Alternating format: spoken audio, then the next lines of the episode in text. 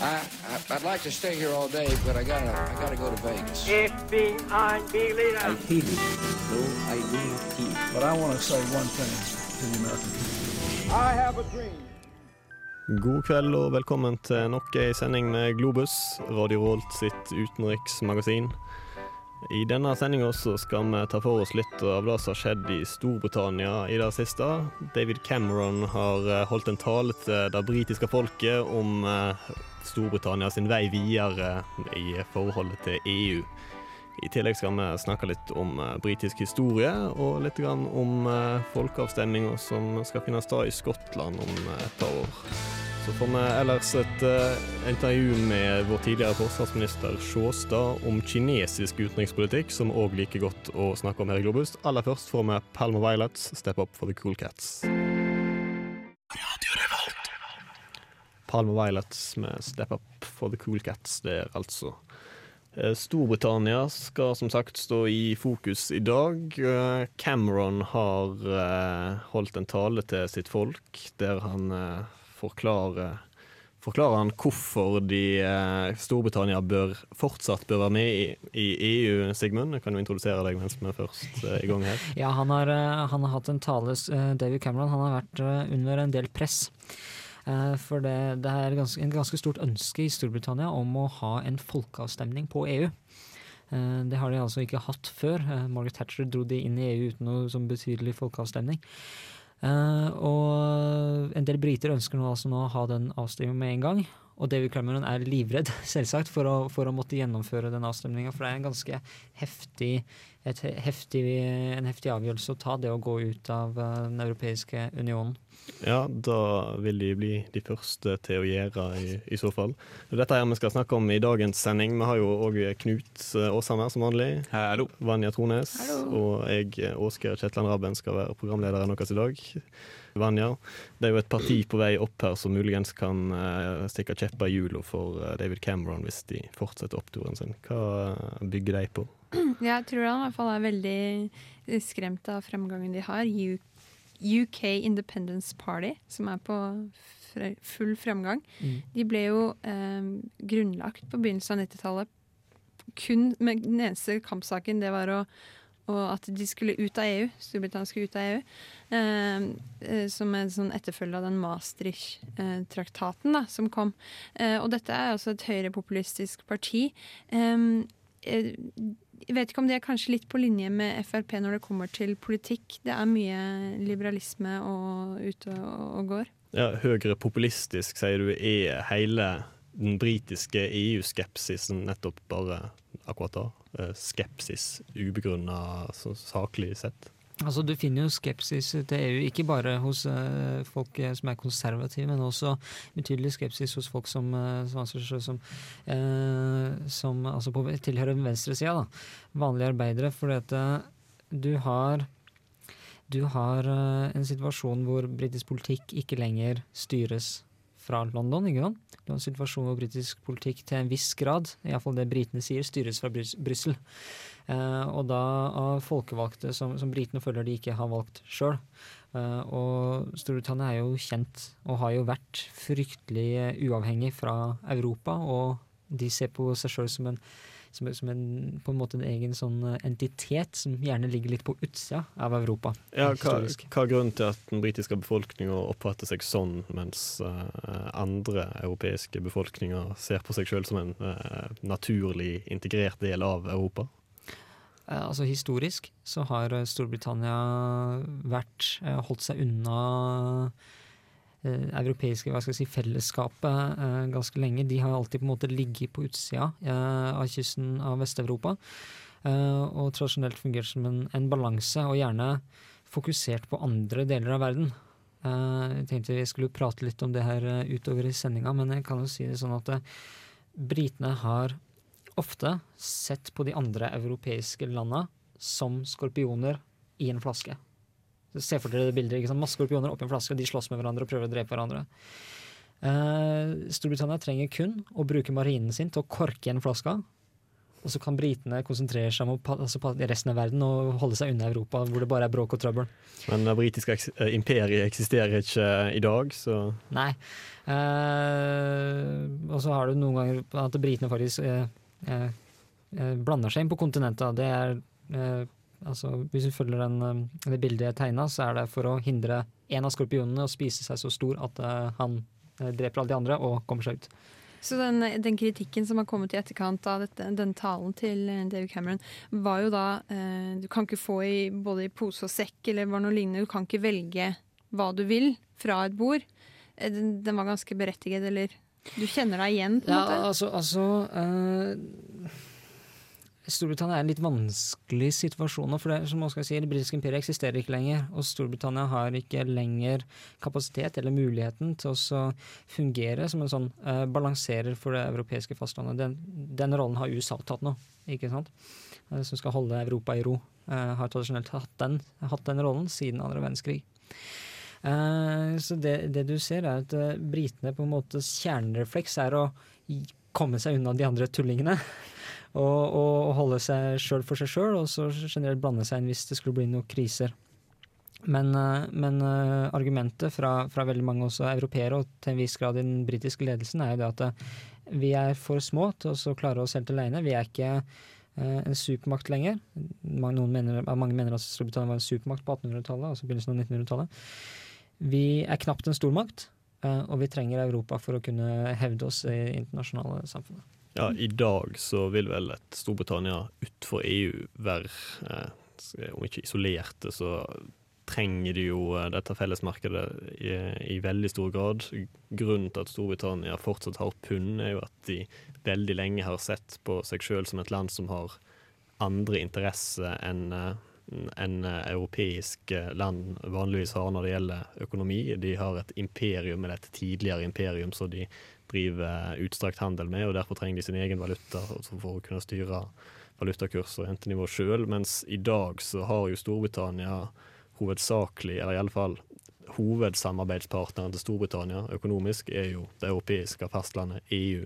Så et Storbritannia som blir satt utfor, satt på sidelinja av frihandelsområdet, vil da kunne greie seg?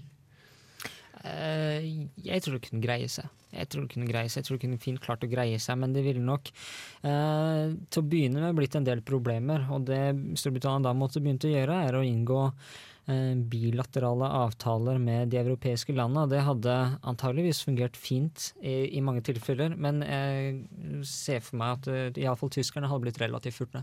Og mm. kanskje vært litt kranglete til å begynne med. Vi skal snakke mer om Storbritannia sitt forhold til Europa og resten av verden senere i sendinga. Først må vi høre Duncan McKnight, 'Highway Diamond'. Radio Revolt. Duncan McKnight, 'Highway Diamond' der, altså. Eh, vi snakker om Storbritannia her i Globus i dag. Eh, rettere sagt Storbritannia sin, eh, sin lange historie for isolasjonisme, for å si det sånn. Eh, vi, vi, snakker jo om EU. Da er det greit å få et litt historisk eh, perspektiv på det. Jeg tenkte jeg kanskje jeg skulle prøve å gi dere. uh, for, for, Storbritannia har en lang historie når det kommer til det motstanden mot EU? Ja. Uh, ikke bare altså, mot EU, men også en lang historie for å isolere seg fra, fra, Europa og så på en måte kun fungerer som en uh, balanserer. Siste gang Storbritannia var invadert uh, og erobra, var i 1066. Og hvem var det? det var, normanerne. Normanerne stemmer. ja. Wilhelm Erobreren. yeah. uh, slaget ved, ved, Hastings. Hvis, hvis, noen er interessert i det, så kan du google det. og de neste 400-500 åra så hadde faktisk Storbritannia ganske, ganske aktiv politikk sånn i forhold til Europa, i den forstand at de prøvde å erobre Frankrike. Eh, da har du det kjente slaget om Crazy Poitiers Agincourt, ikke sant, hvor de britiske langbuene har vunnet. Uh, men uh, blant annet pga. en fransk bondejente så, så, gikk det dårlig til slutt. Uh, Jeanne d'Arc, ikke sant? dere kjenner mm. historien om hun, mm. hun, alle sammen. Og det er en del sannhet i, historien om henne. Hun klarte å samle Frankrike og så kaste England ut på, på sjøen. den britiske sånn isolasjonismen begynte vel rundt dronning Elisabeth. ikke sant? Det er henne som har, hun som har fått æren for å bygge den første flåten. Og sende ut en del av, av de kolonistene som skulle starte med å bygge opp det britiske imperiet. Uh, og ikke minst så er det første gang Storbritannia har beskytta seg mot en Altså på, på kun marine, da. Uh, redda seg fra en invasjon. Uh, spanske armadaen i 1588 skulle, var ment å skulle kaste Elisabeth fra tronen. Den ble beseira i den engelske kanalen av, av den britiske flåten, eller den engelske flåten, og dårlig vær fra Skottland. Uh, mye de ble nærmest fullstendig knust. Lord Nelson fikk seg en uh, Lord... enormt høy statue. Uh, det er seinere. Ikke Nelson, Nelly. Han, han, han, ville vært født for 300-400 år siden etterpå. Uh, han som britene på en måte gir æren for det slaget, er Francis, sir Francis Drake. Mannen bak Drakesundet? kanskje. kanskje. han, Britene har jo også en historie om det. De har jo Arthur-legenden om at Arthur skal komme tilbake. ikke sant? Det er også en historie om at uh, før uh, sir Francis Drake døde, så sa han at uh, trom på tromma mi, krigstromma hans. og når dere hører den, så, så, så, kommer jeg for å redde dere. for å banke de som truer England. Og de sier at den er blitt hørt. Hørt tre ganger seinere. Uh, første er i 1805, altså under slaget ved Trafalgar. ikke sant? Mm. Så sier, er Nelson. Det er Nelson. Da sier, ja, sier, man at Nelson, Nelson eh, og Nelson, noen av Nelsons eh, sånn, soldater, eller marinefolk, de hørte den tromma før de gikk til angrep på den spanske og den franske flåten. Eh, det var under slaget ved Jylland under eh, første verdenskrig, hvor den britiske marinen og den tyske stormarinen braste sammen utafor Danmark. Britene vant slaget, altså eh, taktisk og strategisk seier. Selv om Storbritannia mista flere skip, så vant de slaget. Da hørte de tromma. Og slaget om Storbritannia under andre verdenskrig. Eh, når RAF beskytta eh, Storbritannia. Og Er dette da noe som er hm, sagt i myter, eller var det tatt opp det, eller altså, spilt? Det, det, er jo selvsagt mytisk, de har ikke klart å De har ikke bevis på at den tromma ble tromma på. Det kan jo hende, den, den henger i, i, en katedral i England. Uh, men, men, folk sier de har hørt den, da. Mm. Det, folk elsker jo sånne myter. Storbritannia har iallfall greid seg gjennom alle åra på mm. eh, egen hånd. Mm. Kanskje med hjelp fra gamle helter, altså. Ja. Kan, kan, man også kanskje si at grunnen til at de har på en måte isolert seg litt fra fastlands-Europa, var at når de så fokuserte på resten av verden, mm. så fikk de på en måte litt sånn dårligere forhold til Europa? Pga. deres uh, imperialisme? Altså, Europa har jo uh, alltid vært et kontinent som har vært fryktelig mye plaga med krig. Mm. Og britene eh, har vært så heldige at de har vært på en øy. Så de har funnet det at så lenge vi holder en sterk marine, så, holde, altså, så er vi trygge. Trenger ikke en stor, uh, stor hær. Uh, faktisk en britisk admiral som sa på 1800-tallet at uh, den britiske hæren skal være en kanonkule som den britiske marinen skal skyte. Det sier at den britiske hæren skal være liten, eh, topptrent, og det skal gjøre veldig mye skade når den angriper. Men eh, den britiske marinen skal alltid være de som er i kommando. Den britiske marinen står også på programmet til uh, eh, UK Independence Party, som jeg tar opp igjen nå. De vil jo styrke den uh, marinen veldig med uh, jeg kan si 70 nye skip. Ja. Og det er ganske voldsomt, fordi at den britiske marine er jo under svær, sterk nedrusting. Det, den er i ferd med å bli rusta ned til en viss grad, ja. Mm. UK Independence Party bruker altså retorikk som får gjenklang i skal du si, urgamle britiske tradisjoner, da, hvis de spiller på Ja, vi snakker styrking av Forsvaret, vi snakker styrking av den britiske kulturen. Og det geliske språket òg, faktisk. Ja. Og eh, bruken av the imperial eh, Jeg skulle nesten si at system. Ja, ja, det nesten, høres nesten ut som at det var en sånn slags Churchill-spirit her. Ja, Churchill var jo faktisk interessert i å han, han hadde ett mål med andre verdenskrig. Eh, eller to, to, mål. Det første var å, at Storbritannia skulle overleve. Og det andre var at han skulle beholde imperiet. Mm. Han klarte jo ikke å beholde imperiet, og ja. det er litt pga. Franklin Roosevelt sin feil. Og, men som han sa, når uh, Mahatma Gandhi uh, uh, begynte å få det indiske folket i bevegelse på, etter andre verdenskrig, da sa han vel noe sånt som at i didn't become Her Majesty's Prime Minister to dissolve her empire. Ja, ikke sant. Og, og, og, ja, og UK Independence Party, som jeg da vil gjerne prate om, eh, dem, også, eh, dem, dem, er veldig for sterkere økonomiske bånd med disse Commonwealth-statene. Mm. De lever nesten, skal du si, i en uh, illusjon om at Storbritannia fortsatt er et imperium som men de er jo på framgang. Ja, men de, eh, som eh, så vidt diskuterte i stad, selv om de er i framgang, så betyr jo ikke det at de eh, nødvendigvis At det nødvendigvis hadde blitt en suksess hvis de hadde fått eh, gjennomslag for alle ideene sine. Nei. Eh, det har vært snakk om faktisk økende, økt samarbeid, militært samarbeid mellom Storbritannia, Australia, New Zealand og Canada. For å liksom styrke marinene spesielt. da. Eh, og på en måte kanskje gjenopprette den der Commonwealth-styrken.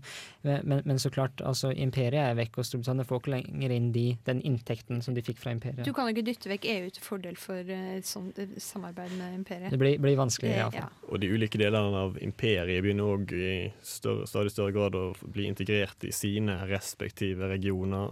Europa var jo veldig tidlig med å få en, eh, en så integrert politisk konstellasjon som EU, mens eh, lignende ting er på vei i andre deler i verden. Så, så er det vanskelig å se at Storbritannia skal kunne ha et like tett samarbeid med, med de gamle koloniene sine. Mm. Men uh, det britiske imperiet får vi snakke litt mer om etter The Orients har spilt Dado Beach for oss her i Globus på Radio Revolt. Dado Beach eh, av Disco Slam der eh, Nei, av The Orients, beklager.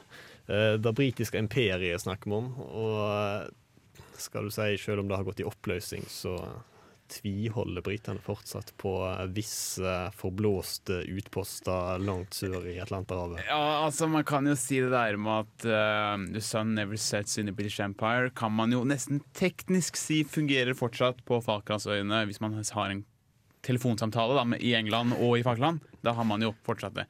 Men uh, utenom, da. Men uh, så er det ikke like mye. Uh, Falklandsøyene har jo, sånn som i 1982 som, hvor det brøt ut krig mellom Argentina og eh, Storbritannia pga. Eh, eh, denne lange disputten om hvem som egentlig eier eh, Falklandsøyene. Og som fortsetter, og som går opp og ned. Da, i, eh, og og har, denne her disputten har jo kommet sterkere i gang igjen pga. Eh, nye presidenten, eller den kvinnelige presidenten i, eh, i Argentina, eh, Cristina Fernandez de Kirchner, som eh, som har vært veldig uh, på, pågang, har mye pågangsmot, vært veldig frampå på å eh, på å få en, sam, på en samtale da, og For å prøve få å dette på forhandle. agendaen. Ja, hun, Ja. hun prøver vel å få oppmerksomheten vekk fra problemet på hjemmebane. Eh, nett, det var akkurat det jeg tenkte jeg skulle nevne. At hver gang Argentina får økonomiske problemer, så begynner de å hyle om Falklandsøyene. Ja, det, det er vel ikke noe ukjent akkurat den type nasjonalistisk retorikk i sånne situasjoner, men eh, I, I tillegg så bare i fjor så, så lagde de en video for, eh, for OL i London i 2012. Og, eh, og det her var en, eh, en hockeyspiller fra Argentina som trente på Falklandsøyene. Og så står det som sluttslogan så står det at for å, for, å, for å konkurrere på britisk jord må vi trene på argentinsk jord. Og det er jo veldig, han, veldig han tre, frekt. I videoen så trente han vel til og med på en gravplass for uh, Ja, britiske soldater. Han, han gjorde pushups på en uh, første verdenskrigsmonument. Så, mm. Eh, De, de skal Nå ble jeg kanskje litt voldsom, men de skal passe seg litt, grann, for jeg så en analyse gjort av amerikanere, faktisk. Eh, Så det er relativt, relativt unbiased, da.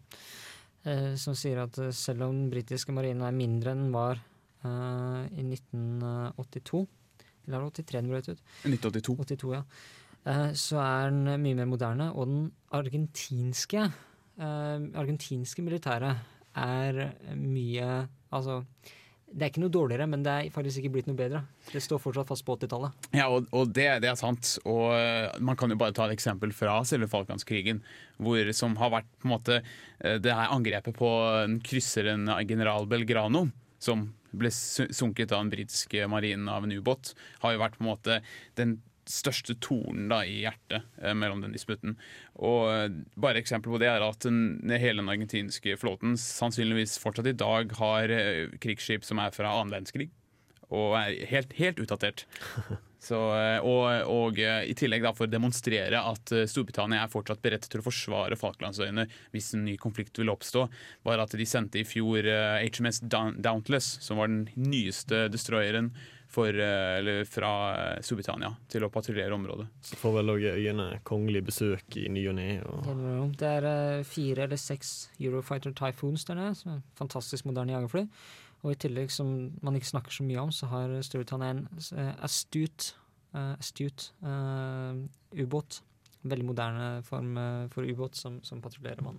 de de ser ut til å være ganske villige til å holde på det resten av imperiet fortsatt. Og når vi snakker om Falklandskrigen, så uh, fikk jo òg Storbritannia bruk for noen andre av de uh, la oss si, forblåste utpostene de har i Atlanterhavet. For da uh, fikk de bruk for militærbasen sin på Ascension Island, som er øy litt nord for St. Helena, ei vest for Afrika. Mm. som er ei av tre øyer i området der som britene har kontroll på, som i utgangspunktet ser la oss si, ubrukelig ut, mens som vi ser da, kan komme til nytte hvis de trenger å forsvare noen av de andre litt mer verdifulle uh, gjenværende koloniene sine. Og Falklandsøyene kan jo vise seg å være verdifulle mer skal vi si, materielt sett enn det en trodde før. Ser ut som det er olje der. Ja, de har jo hatt uh, både norsk og fransk og engelsk boreutforskning der for å da finne ut om det er noe olje der, og de mener at de er positive. Det har bare ikke vært noe, ut, noe større utforskning ennå. Uh, for, for, å sette da no, uh, siste spikeren i kista da, for denne disputten, det er jo at uh, Argentina bruker nesten bare geografiske argumenter ved at det er nærmere fastlandet og Sør-Amerika, og at de i tidlig historien, altså i 1600-tallet, hadde en koloni der. Mens, mens britene bruker da common sense ved at det er nesten bare briter som bor der, og de har, er, er, fullt uh, overbevist Eller de, de, ønsker å fortsatt være under britisk styre og ønsker ikke noen argentinsk styre. Så det er jo sagt som så. Da bruker du som argument, men øh, det bor ikke nok personer av, med britisk statsborgerskap på Falklandsøyene til at de kan bruke noen som helst eh, deler av folkeretten eh, til, som argument for å holde på øyene. Det må bo mer enn er det 5000. det blir det interessant hvis det blir funnet olje der, for da blir det plutselig mye arbeidsplasser. Mm. Ja, da tenker jeg de kommer. Så kan, kan britene flytte ned. Vi skal fortsette sendinga. Eh, først så får vi Disco Slam langt, langt vekke.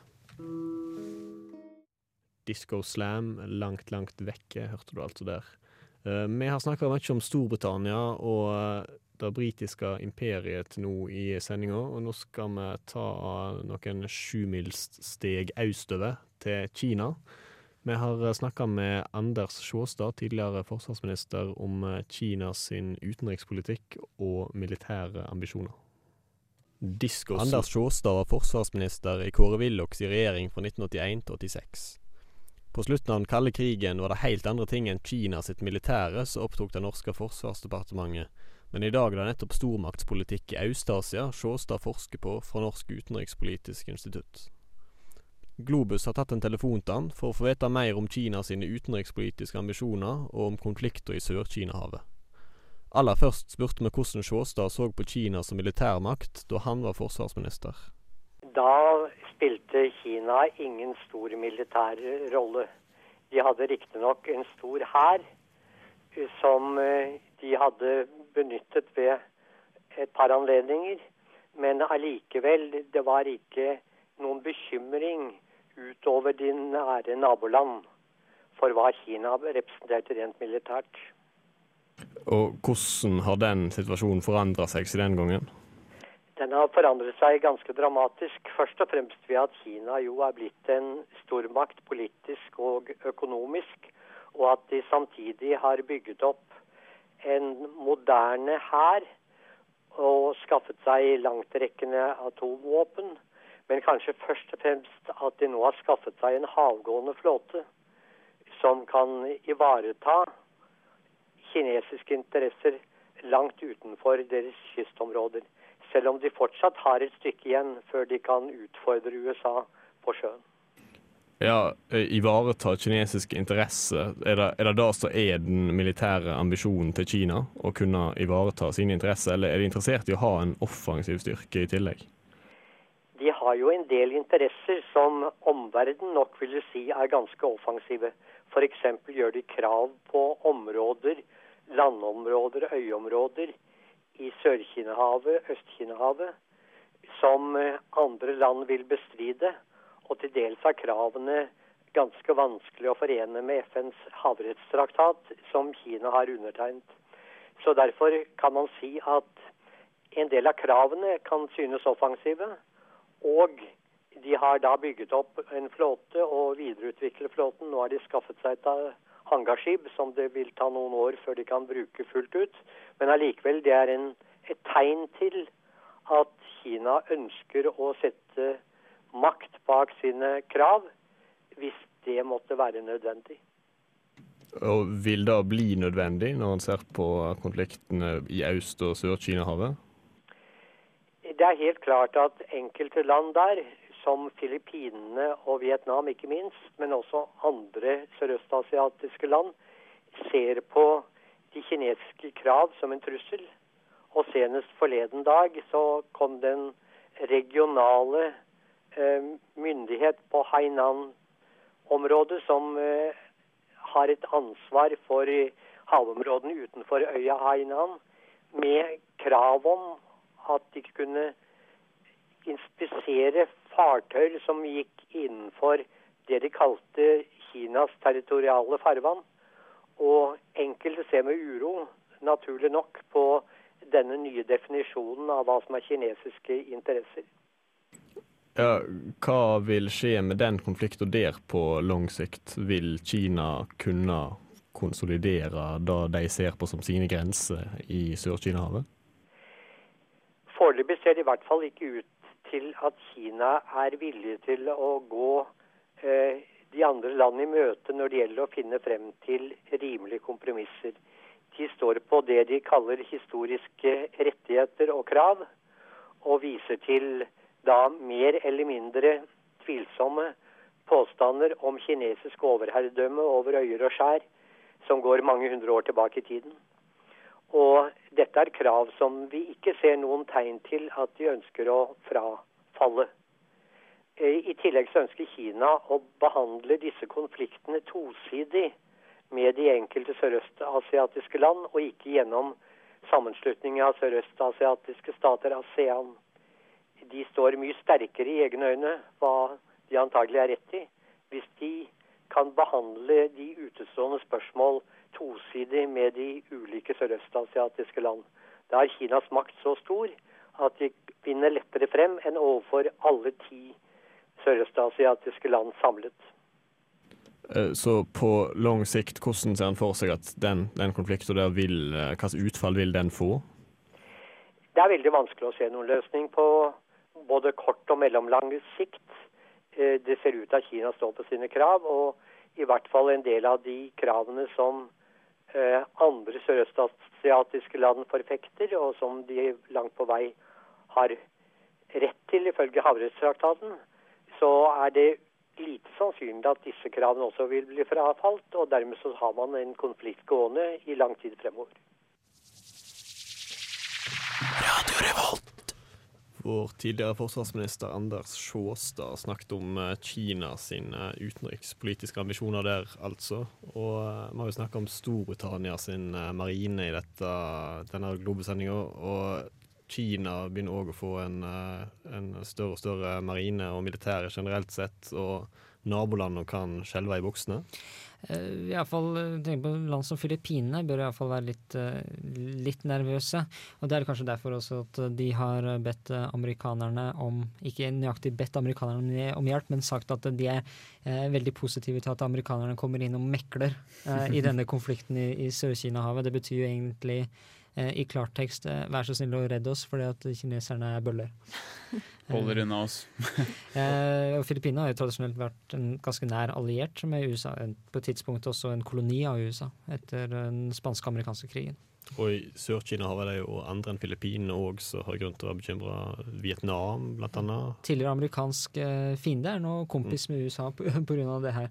Eh, realpolitikk, ikke sant. Men, mm. Eh, men eh, min eh, fiendes fiende er min venn. Ja, det, og Kina har blitt den store fienden til en av de få andre kommuniststatene i verden, Vietnam. altså. Vi ser jo at de kan komme på kollisjonskurs med hverandre uansett. Ja, De, de førte faktisk en krig eh, mot hverandre på 70-tallet. Eh, på det tidspunktet så hørte jeg man snakke om at eh, kineserne skulle eh, altså Da ville jo kineserne gjerne være kompis med USA. ikke sant? Det Richard Nixon, denne åpningen til Kina som man hadde på 1970-tallet. Uh, og kineserne var faktisk uh, villige til å gå til krig mot Vietnam for å være litt kompis. Se, nå hjelper vi dere, ikke sant? Og så banker vi vietnameserne litt, siden dere fikk juling der. Litt sånn kanskje barnslig måte å tenke på, men de gjorde nå en gang det. Men når det gjelder Kina uh, sin marine, så er ikke det noe de har tradisjon for i, i samme grad som Storbritannia, som vi har snakka om tidligere her. Men de har jo hatt sine sine oppdagelsesreisende eh, på 1400-1500-tallet. Da skal du si oppdaga de eh, Afrika, om man kan se, formulere seg eh, på den måten. Kom, kom så langt som til Afrika, og så seilte de vel hjem igjen? Ja, de seilte hjem igjen, men tenk Vi kan jo prøve å se for oss den situasjonen at kinesisk seilskip hadde kommet seilende inn på havna i Lisboa, og kineserne hadde oppdaga oss. Eh, det hadde vært veldig interessant, men eh, jeg tror faktisk ikke at eh, det hadde vært så veldig stor forskjell uansett.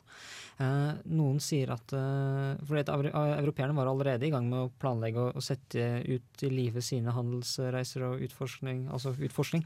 Så det tror jeg at europeerne hadde bare blitt enda mer gærne på å komme seg ut der. Oppspilt på å ut og handle. Uh, og Europa har uh, tradisjonelt hatt veldig sterkt, sånn, en veldig sterk sikkerhetskonkurranse. altså Stater har hele tida måttet fornye seg sjøl, komme ny teknologi, komme, bli sterkere militært uh, og økonomisk for å overleve. Eh, mens eh, tenk på Kina har nærmest stagnert siden 1400-tallet, altså på det tidspunktet hvor de, eh, hvor de, sendte ut disse flåtene. Ja, dette er jo en av de store forskjellene mellom Kina og Europa når det gjelder utvikling. Kina har vært alene. Når Kina ikke har vært samla, så har det vært krig. Mm. Og det har vært nedgangstider for hele det som i dag er landet Kina. De har utvikla seg på egen hånd uten å være i stor konkurranse med andre, så derfor har de ikke hatt behov for å utvikle den teknologien som europeiske stater har måttet utvikle som du sier, for å overleve. Mm. Ja, det har jo på en måte, Man kan jo se veldig generelt på det, men kineserne har jo, som man sier, liksom, har, de har jo øh, oppfunnet, eller de har skapt mange av verdens øh, største oppfinnelser, men de har på en måte ikke trengt noe mer, så da har de jo stoppet opp. De oppfant kruttet, men brukte det til nyttårsraketter.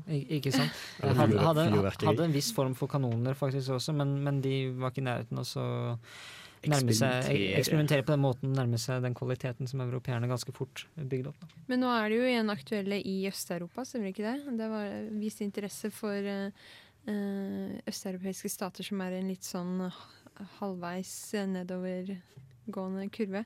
Eh, blant annet eh, Ungarn, hvis jeg ikke tar helt feil. Det var noe interesse der for noen investeringer. Østeuropeiske stater som er eh, De ønsker velkommen, da. Kinesiske investorer. Mm. Nettopp. Mm, ja. uh, hele verden uh, tar vel imot kinesiske investorer for tida, ja. om de får, enten fordi de vil eller fordi de må. Ja, det var det, da. Og så er det det med, Jeg tror også Ukraina er interessert i kinesiske investorer for å unngå å ha den derre øh, kravet til uh, på en måte handelskravet, da, eller lenka til Russland.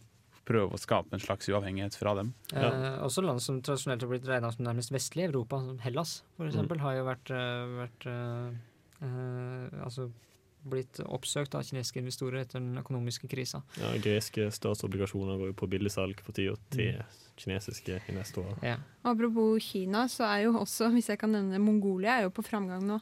Eh, nytt eh, sånn nyetablert demokrati som eh, har funnet ut at de har en del naturressurser, da, vet du. Og da er det jo spennende å se, for de er jo ganske fanget mellom to veldig sterke stater der. Så hva de gjør med hva som kommer til å skje der i fremtiden, er også veldig spennende. Det gjelder å bli bestevenner med USA. Det er sjakk, sjakkbrettstrategien, ikke sant? At du er kompis med han som ligger på den andre mm. sida. Svart-hvitt. Ja. Mm. Da får være det vi rakk når det gjelder Kina denne sendinga. Vi skal komme tilbake og snakke litt mer om Storbritannia, men først så får vi Everything Everything med Kemo Sabe. Everything Everything med Kemo Sabe der, altså.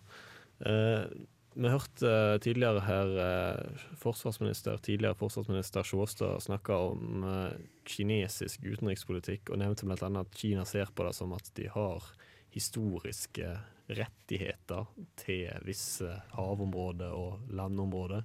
Og dette her nevnte du, Sigmund, eh, var skummel retorikk? Det er vel andre folkeslag som har sagt at de har historisk og, og skjebnebestemte rettigheter til, til, sånne ting før. Uh, Japan på 1930-tallet, Tyskland 1914 og 1939.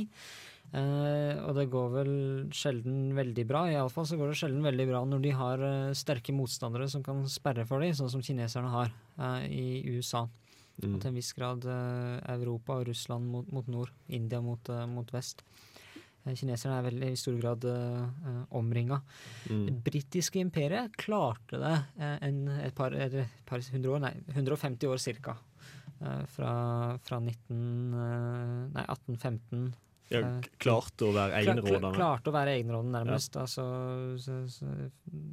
1815 til, til, 1914 er de 100 åra, da. Eller 1814 mm. til 1914. Og så kan du slenge på nesten 50 år til fram til 43, hvor de på en måte hadde ideen om at de var fortsatt like sterke, men eh, var mye svakere. Ja. Mm. Uh, når det gjelder Kinas uh, ambisjoner, så er jo ikke de ser det ikke ut som om de er på samme nivå som britene sine historisk sett var. da. Nei, eh, Kinas uh, mål er vel å bli eh, en hegemonisk makt i mm. Øst-Asia, og så er det der det stopper opp i utgangspunktet. Ja, Iallfall de territorielle kravene er ikke på samme nivå, men de penetrerer jo ethvert territorium økonomisk for tida. De bygger oljerørledninger vestover i Sentral-Asia, investerer stort i Afrika, eh, knytter kontakter rundt seg i både nord og vest og sør. Eh, så de har jo andre andre strenger å spille på enn da det britiske imperiet hadde.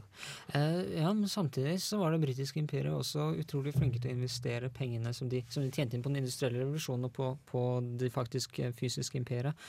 Eh, I, eh, I, utlandet, veldig store britiske investeringer gikk til Tyskland blant annet mm. Eh, på 1800-tallet, og ikke minst til USA. Det var jo eh, snakk om i en frykt i USA for at eh, britene kom til å ta de tilbake nesten, ved økono økonomi. Og den eh, amerikanske borgerkrigen kom jo, sier noen, på bakgrunn av det at uh, nord, altså nordstatene, som var uh, tungt industrialiserte, ønska å sette opp tollbarrierer mot britiske, britiske varer, mens sørstatene, som solgte bomull til Storbritannia, baserte sin økonomi på eksport av råvarer, de ville ha så lave tollbarrierer som overhodet mulig, sånn at de kunne selge til Storbritannia uten at de måtte betale britisk toll. Mm. Ikke sant?